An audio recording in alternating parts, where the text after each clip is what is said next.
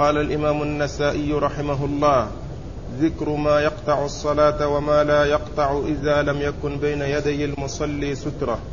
وقال أخبرنا عمرو بن علي قال حدثنا يزيد قال حدثنا يونس عن حميد بن هلال عن عبد الله بن الصامت عن أبي ذر رضي الله عنه أنه قال قال رسول الله صلى الله عليه وسلم إذا كان أحدكم قائما يصلي فإنه يستره. إذا كان بين يديه مثل آخرة الرحل فإن لم يكن بين يديه مثل آخرة الرحل فإنه يقطع صلاته المرأة والحمار والكلب الأسود.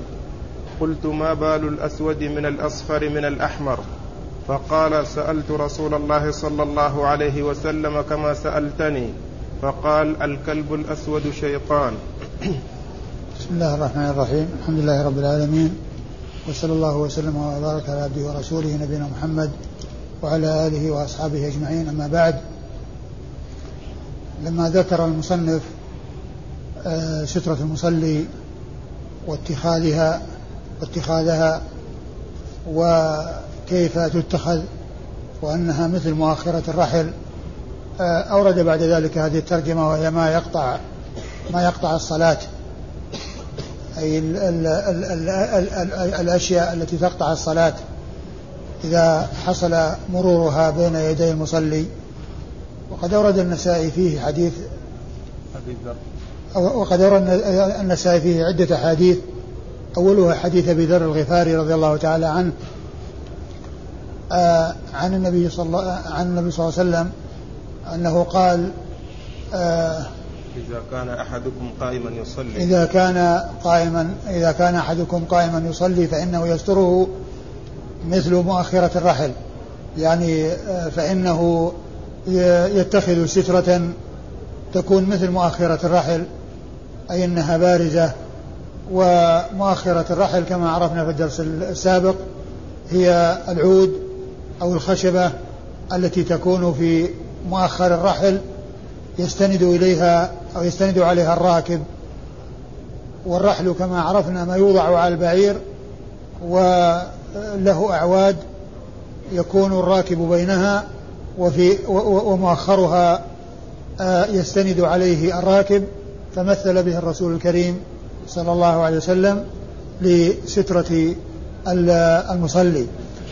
وسترة المصلي تكون آه، بمثل مؤخرة الراحل وتكون بالعصا التي تغرز وتكون بمثل العمود التي آه، هي من أعمدة المسجد أو جدار أو ما إلى ذلك من الأشياء الشاخصة التي يصلي الإنسان آه، إليها ويكون قريبا منها. ثم أن النبي صلى الله عليه وسلم قال فإذا لم يكن بين يديه سترة فإنه يقطع صلاته المرأة والحمار والكلب الأسود. قيل يا رسول الله ما بال الكلب الأسود؟ قال الكلب الأسود شيطان. فقد ذكر النبي صلى الله عليه وسلم في هذا الحديث آه، ما يقطع الصلاة وهو المرأة والحمار والكلب الأسود. وقد جاء في بعض الأحاديث إطلاق الكلب. واختلف العلماء في المراد بالقطع. فذهب بعض العلماء إلى أن المراد به الإبطال. وأن وأنه يستأنف الصلاة عندما يحصل مرور آه هذه آه الثلاثة. وذهب جمهور العلماء إلى أن المراد بذلك ما يحصل للصلاة من نقصان بسبب انشغال القلب بهذه آه، الثلاثة التي آه، تمر بين يديه فينشغل قلبه بها فينشغل عن صلاته فيذهب عنه الخشوع ويشتغل بها ويتعلق قلبه بها فيكون ذلك سببا في نقص صلاته. وقد سئل عليه الصلاة والسلام لما ذكر الكلب الأسود ما باله وما الفرق بينه وبين غيره فقال الكلب الأسود شيطان. وقد ذكر بعض العلماء أن أنه محمول على ظاهره وأن المراد بذلك أن الكلب أن الشيطان يتمثل غالبا بالكلب الأسود ومن المعلوم أن الشياطين آه، تتصور بصور الإنسان وغير الإنسان. فشياطين الجن يتصورون بصور الحيوانات كما أنهم يتصورون بصور الإنسان ويأتون على صورة الإنسان فكذلك يأتون على صورة الحيوان فيأتون على صورة الحيوانات المختلفة. مثل الكلاب والحيات وغير ذلك كما آه كما جاءت به السنة آه وكما ثبت ذلك عن رسول الله صلوات الله وسلامه وبركاته عليه. إيش الاسناد؟ أخبرنا عمرو بن علي أخبرنا يقول النسائي أخبرنا عمرو بن علي عمرو بن علي هو الفلاس والفلاس محدث ناقد من أئمة الجرح والتعديل وهو ثقة أخرج حديثه أصحاب الكتب الستة. ويأتي ذكره كثيرا في كتب الرجال في الجرح والتعديل. يقال قال الفلاس كذا والمراد به عمرو بن علي هذا. عمرو بن علي الفلاس. عن حدثنا يزيد. حدثنا يزيد وهو بن زريع البصري وهو ثقة خرج حديثه أصحاب الكتب الستة أيضا. حدثنا يونس. حدثنا يونس وهو ابن عبيد البصري وهو ثقة خرج حديثه أصحاب الكتب الستة. عن حميد بن هلال. عن حميد بن هلال البصري أيضا وهو ثقة آه، خرج حديثه أصحاب الكتب الستة. عن عبد الله بن الصامت. عن عبد الله بن الصامت آه، البصري وهو ثقة خرج حديثه البخاري تعليقا ومسلم وأصحاب السنن الأربعة. عن أبي ذر الغفاري واسمه جندب بن جنادة على أصح الأقوال فيه وهو صحابي مشهور حديثه عند أصحاب الكتب الستة. وإذا فهذا الإسناد الذي معنا آه رجاله أكثرهم بصريون وهم عمرو بن علي ويزيد بن زريع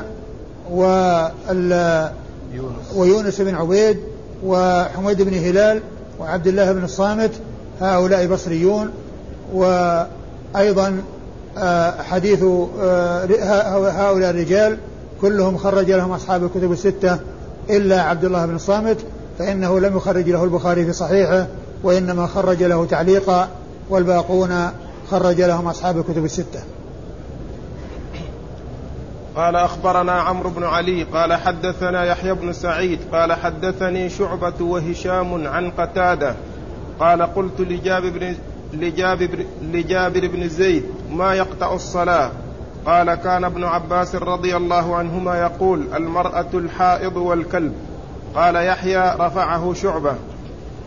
ثم أورد النسائي حديث ابن عباس رضي الله تعالى عنهما أورده النسائي من طريقين من طريق آه، آه، هشام ابن أبي آه، ابن عبد ابن أبي عبد الله الدستوائي و وشعبة بن الحجاج يرويان عن قتادة وقد رفعه أحدهما ووقفه أحدهما على ابن عباس وقفه أحدهما أي هشام على ابن عباس ورفعه شعبة يعني أن ابن عباس يعني رفعه إلى رسول الله صلى الله عليه وسلم في إسناد شعبة آه، ابن الحجاج. والحديث فيه آه، ذكر اثنين من الثلاثة المتقدمة وأنها تقطع الصلاة وهي المرأة الحائض والكلب وفيه تقييد المرأة بأنها الحائض والمراد بالحائض هي التي بلغت المحيض وليس المراد بها التي عليها الحيض. والتي هي آه، متلبسة بالحيض وإنما المراد بها التي بلغت سن المحيض وهي المرأة البالغة. ومثل هذا آه، آه، الحديث الذي ورد لا يقبل الله صلاة حائض إلا بخمار. المقصود بالحائض هي البالغة لأن الحائض لا تصلي. الحائض التي عليها الحيض لا يجوز لها أن تصلي وعليها الحيض. ولكن المقصود بالحائض يعبر بها عن البالغة يعني الذي بلغ التي بلغت سن المحيض.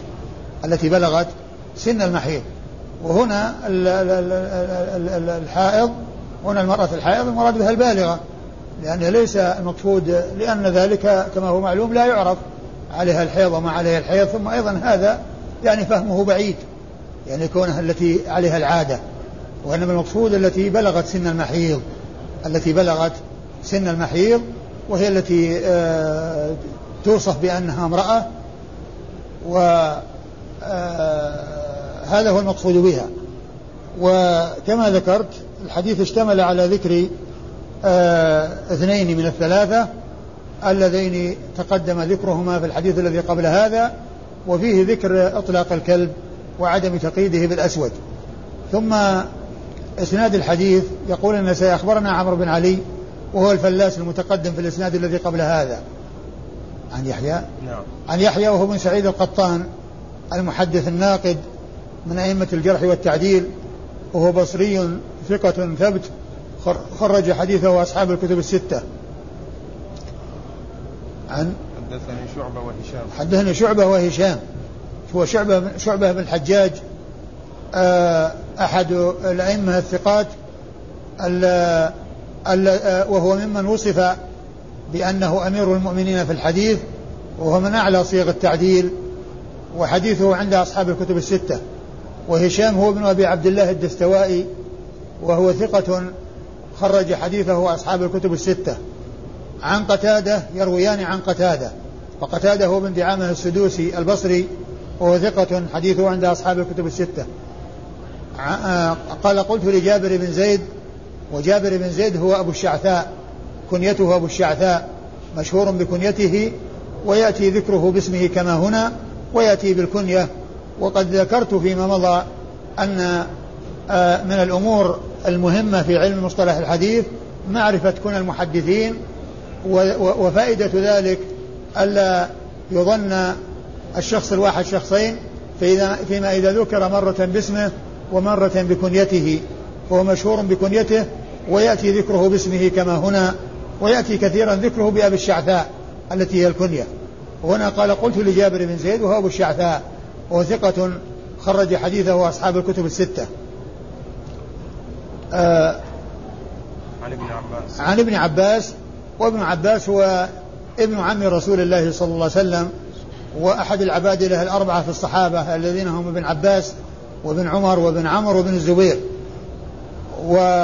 وهو أيضا أحد السبعة المكثرين من رواية حديث رسول الله صلى الله عليه وسلم الذين هم أبو هريرة وابن عمر وابن عباس هذا وأبي سعيد الخدري وجابر بن, بن عبد الله الأنصاري وأنس بن مالك وعائشة هم المؤمنين رضي الله تعالى عنهم وعن الصحابة أجمعين. قال أخبرنا محمد ثم في الإسناد كما كما ذكر النسائي في آخره قال رفعه شعبة. يعني أن الإسناد جاء عن شخصين. يعني يحيى بن سعيد القطان يرويه عن شخصين.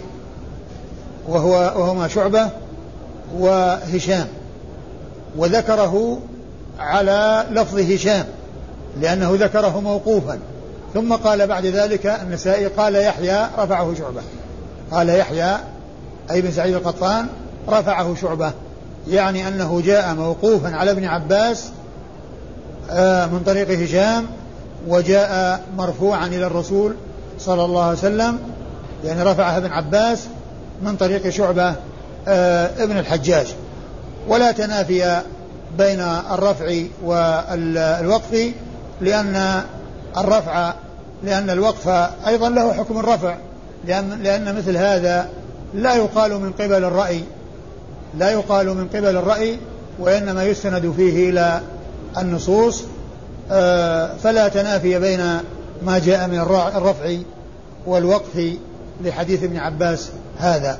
قال أخبرنا محمد بن منصور عن سفيان قال حدثنا الزهري قال أخبرني عبيد الله عن ابن عباس رضي الله عنهما أنه قال جئت وأنا جئت أنا والفضل على أتان لنا ورسول الله صلى الله عليه وسلم يصلي بالناس بعرفة ثم ذكر كلمة معناها فمررنا على بعض الصف فنزلنا وتركناها ترتع فلم يقل لنا رسول الله صلى الله عليه وسلم شيئا.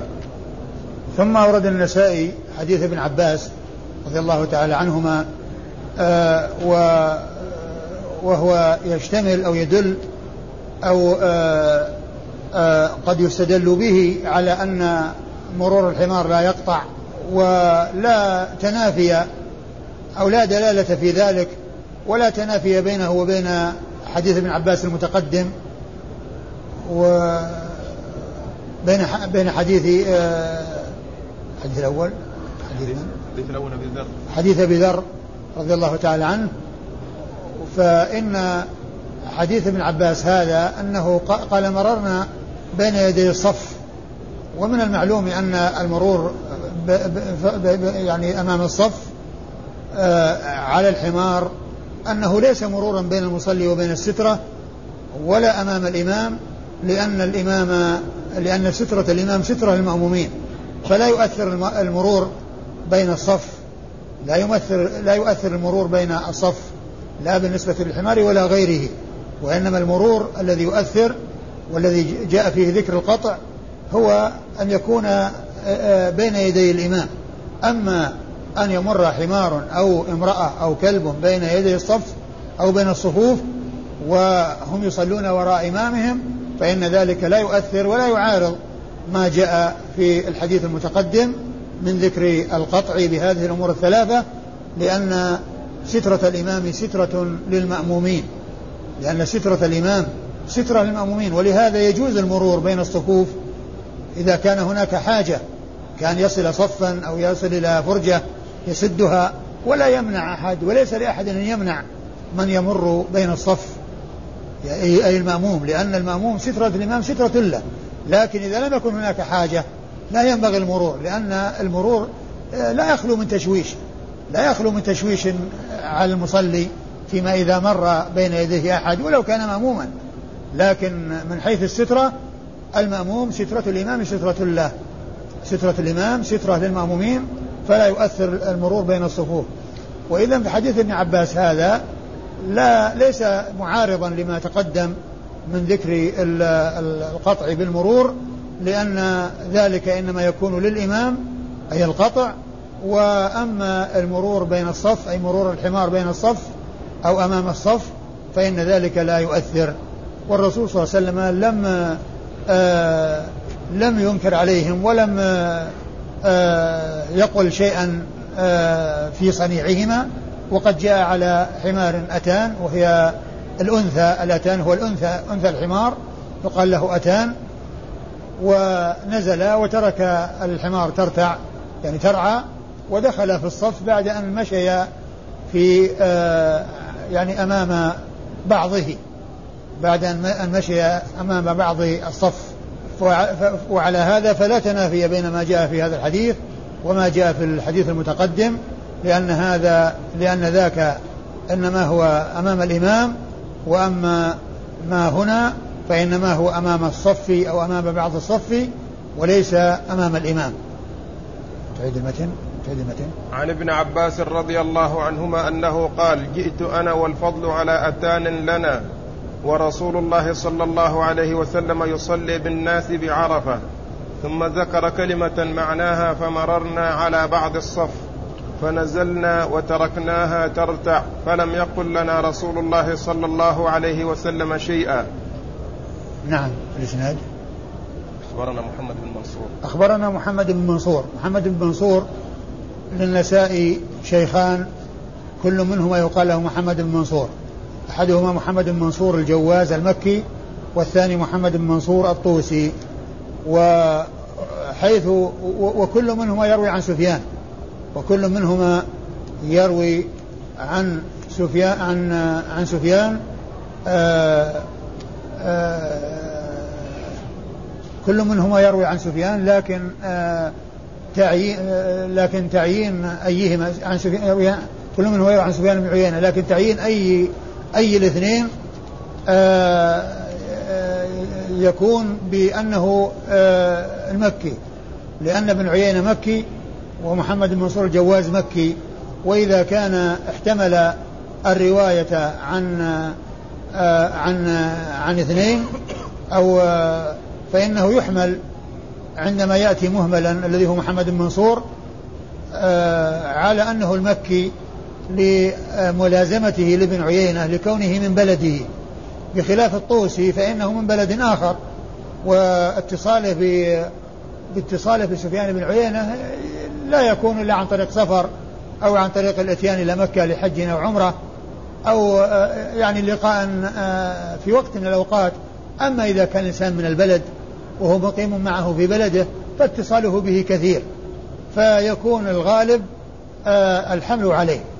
وقد جاء في بعض في بعض الأسانيد التي سبق أن مرت بنا يعني مثل هذا الإسناد وينص فيه النسائي على ذكر المكي أو محمد بن منصور المكي.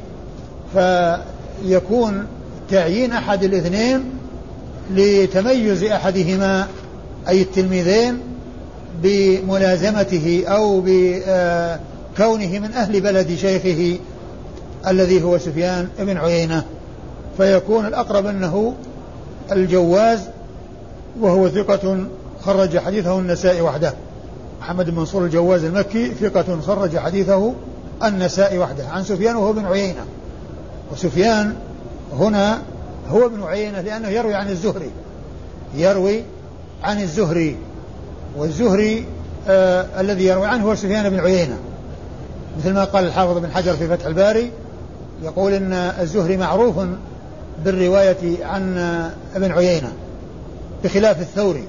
وقال في موضع آخر من الفتح إن الثوري يروي عن سفيان عن عن الزهري بواسطة. يروي عن الزهري يروي عن الزهري بواسطة. فإذا سفيان هنا المراد به ابن عيينة.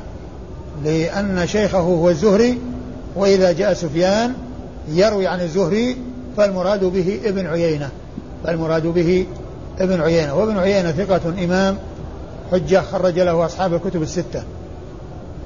عن الزهري ومحمد بن مسلم بن عبيد الله بن عبد الله بن الحارث بن ابن شهاب وقد مر ذكره كثيرا وهو ثقة آه، حجة إمام خرج حديثه أصحاب الكتب الستة. قال أخبرني عبيد الله. قال أخبرني عبيد الله وعبيد الله هو ابن عبد الله ابن عتبة بن مسعود أحد الفقهاء السبعة المشهورين في عصر التابعين في هذه المدينة مدينة رسول الله صلى الله عليه وسلم.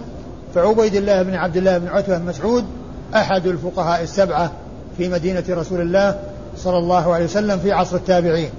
وهم عبيد الله بن عبد الله بن عتبة بن مسعود وعروة بن الزبير بن العوام وخارجة بن زيد بن ثابت والقاسم بن محمد بن أبي بكر الصديق وسليمان بن يسار وسعيد بن مسيب هؤلاء ستة والسابع فيه ثلاث أقوال قيل أبو بكر بن عبد الرحمن بن الحارث بن هشام وقيل أبو بكر وقيل أبو سلمة بن عبد الرحمن بن عوف وقيل سالم بن عبد الله بن عمر بن الخطاب. وعبيد الله بن عتبة هذا حديثه عند أصحاب الكتب الستة. عن ابن عباس وهو ابن عم رسول الله صلى الله عليه وسلم وقد مر ذكره في الإسناد الذي قبل هذا. بعد الدرس قال أخبرنا عبد الرحمن بن خالد قال حدثنا حجاج قال قال ابن جريج أخبرني محمد بن عمرو بن علي محمد بن عمر بن علي عن عن عباس بن عبيد الله بن عباس عن الفضل بن العباس رضي الله عنهما أنه قال زار رسول الله صلى الله عليه وسلم عباسا في بادية لنا. ولنا كليبة وحمارة ولنا كليبة وحمارة ترعى فصلى النبي صلى الله عليه وسلم العصر وهما بين يديه فلم يزجرا ولم يؤخرا.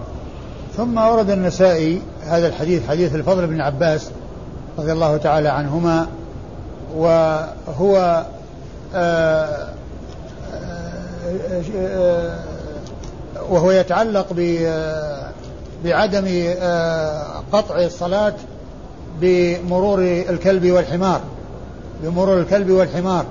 لكن ذلك ليس بظاهر لأن ليس في لأنه ليس فيه دليل أنه بينه وبين السترة. فيمكن أن يكون آه، وراء السترة. ومن المعلوم أن ما كان وراء السترة فإنه لا علاقة للمصلي به ولا يؤثر على صلاته ما دام أنه وراء السترة. وكلمة بين يديه تشمل آه، يعني آه، ما كان دون السترة وما كان وراءها. وهو محتمل وهو محتمل لهذا ولهذا. لكنه ليس بظاهر أو ليس بواضح وبين أن المرور إنما هو بين أن بين بين المصلي وبين السترة. فمحتمل أن يكون بين المصلي والسترة ويمكن أن يكون وراءها. وإذا كان وراءها فإنه لا يؤثر. وإذا كان وراء السترة فإن ذلك لا تأثير له إذا كان إذا كان من وراء السترة. ثم ال ال الإسناد يقول يقول أخبرنا عبد الرحمن بن خالد. أخبرنا عبد الرحمن بن خالد. أخبرنا عبد الرحمن بن خالد هو آه، صدوق خرج له البخاري والترمذي والنسائي وابن ماجه. البخاري والترمذي والنسائي وابن ماجه؟ عندي أبو داود والنسائي. أبو داود. نعم أبو داود بدل الترمذي. البخاري وأبو داود والنسائي وابن ماجه. عندي أبو داود والنسائي واحد فقط. بس؟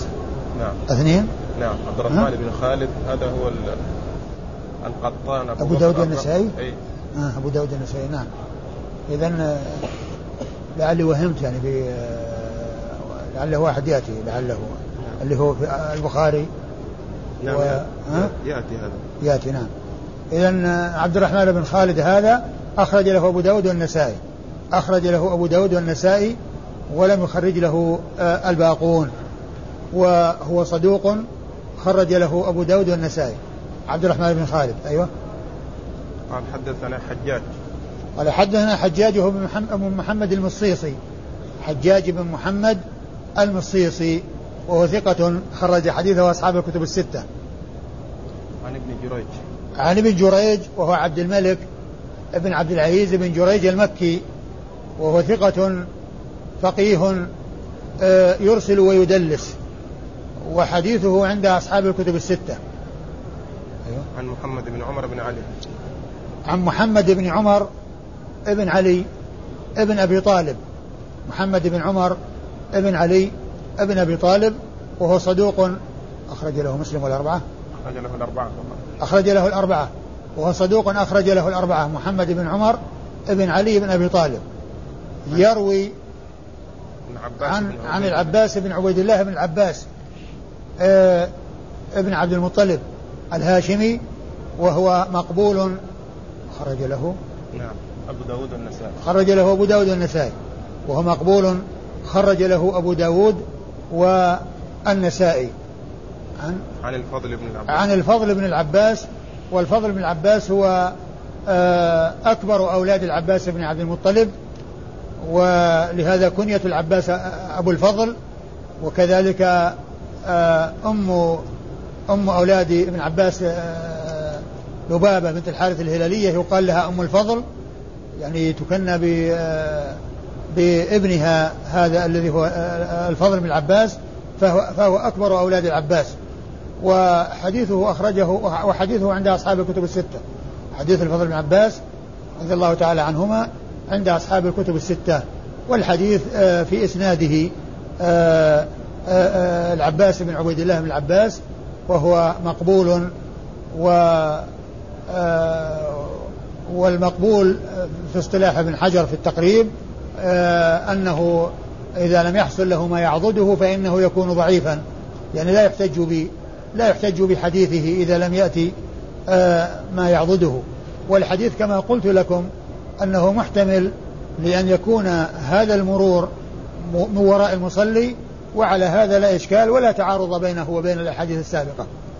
وعلى الاحتمال الثاني أنه يكون بينه وبين المصلي فيكون فيه معارضة وعلى هذا فيكون فيه مخالفة آه، ضعيف لثقة فيكون منكرا. فيكون من قبيل المنكر لأن الضعيف إذا خالف, خالف الثقة فحديثه منكر لكن لا يعتبر فيه مخالفة إلا إذا كان المرور بين المصلي وبين بينه وبين السترة. أما لو كان وراء السترة فإنه لا إشكال فيه ولا يعتبر فيه معارضة. لا يعتبر فيه معارضة.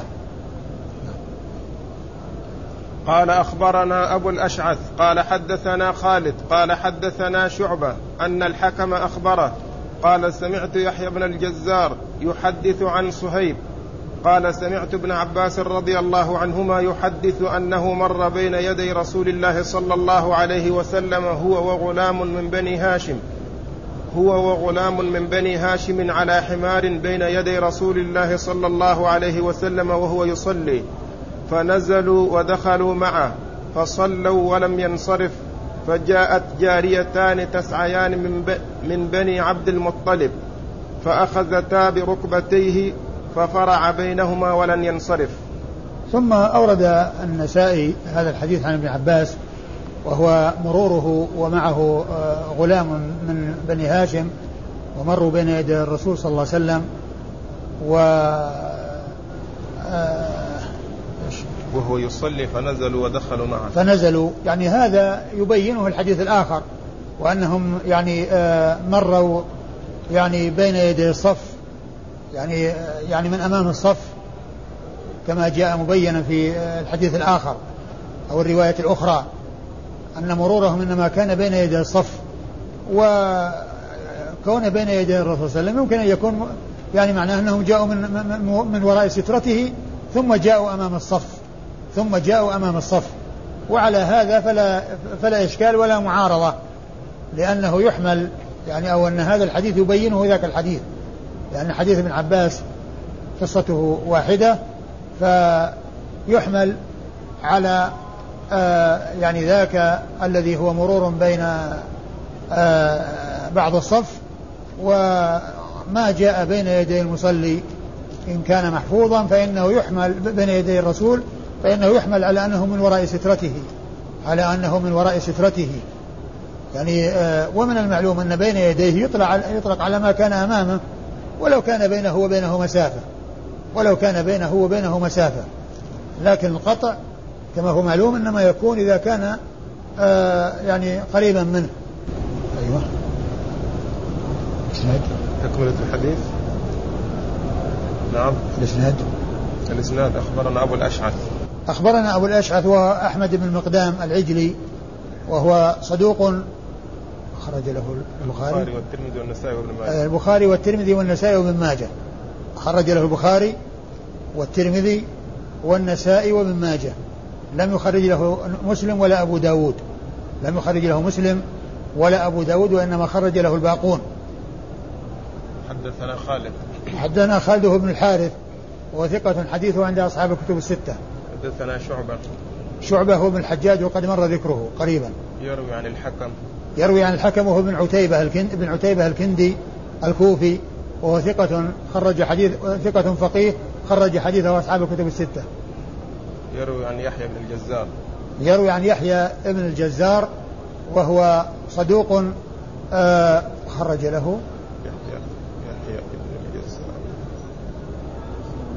العرني. نعم العرني ثقة. ثقة؟ نعم. ثقة خرج له مسلم والأربعة؟ صدوق, صدوق رمي بالتشيع. أيوه.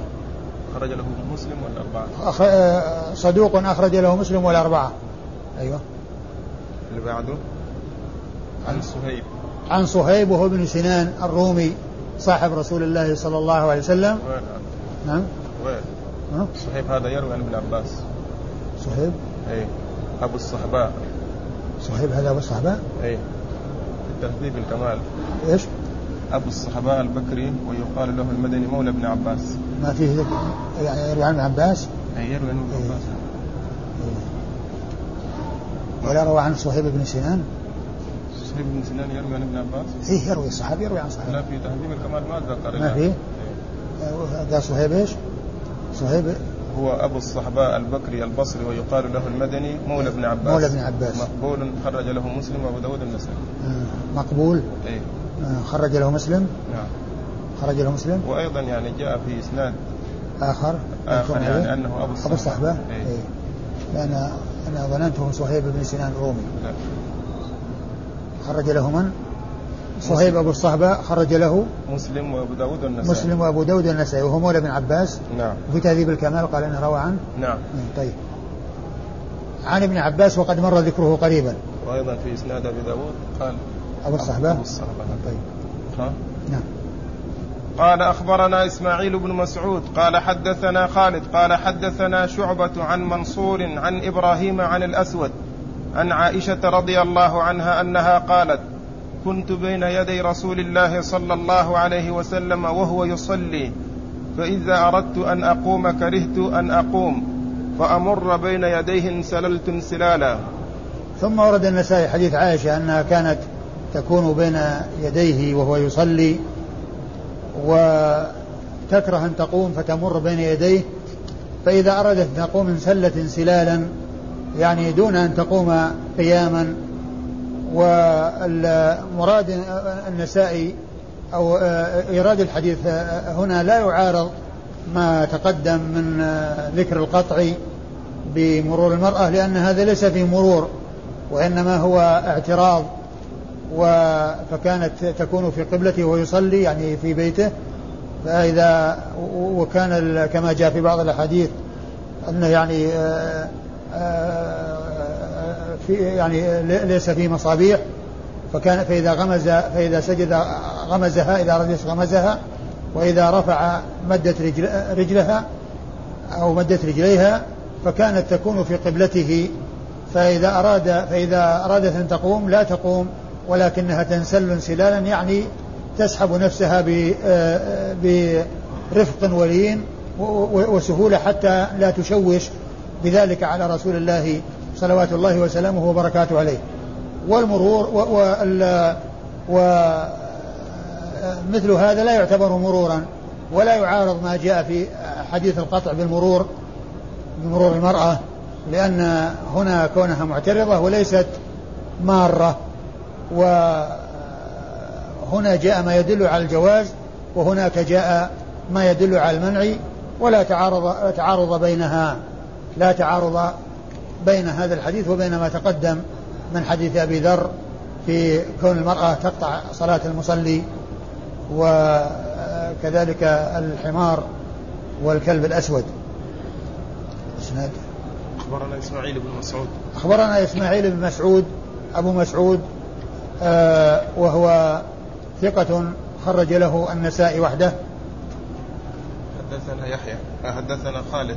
حدثنا خالد بن الحارث وهو ثقة تقدم. حدثنا شعبة. شعبة أيضا تقدم. عن منصور. عن منصور هو بن معتمر الكوفي وهو ثقة حديثه عند أصحاب الكتب الستة. عن إبراهيم. عن إبراهيم وهو ابن يزيد بن قيس النخعي المحدث الفقيه آآ آآ حديثه عند أصحاب الكتب الستة. عن الأسود. عن الأسود خاله الأسود بن يزيد بن قيس النخعي وهو ثقة مخضرم وحديثه عند أصحاب الكتب الستة. عن عائشة. عن أم المؤمنين عائشة رضي الله تعالى عنها وأرضاها الصديقة بنت الصديق آه، أكثر الصحابيات حديثا عن رسول الله صلوات الله وسلامه وبركاته عليه ورضي الله تعالى عنها وعن الصحابة أجمعين. والله أعلم وصلى الله وسلم وبارك على عبده ورسوله نبينا محمد وعلى آله وأصحابه أجمعين.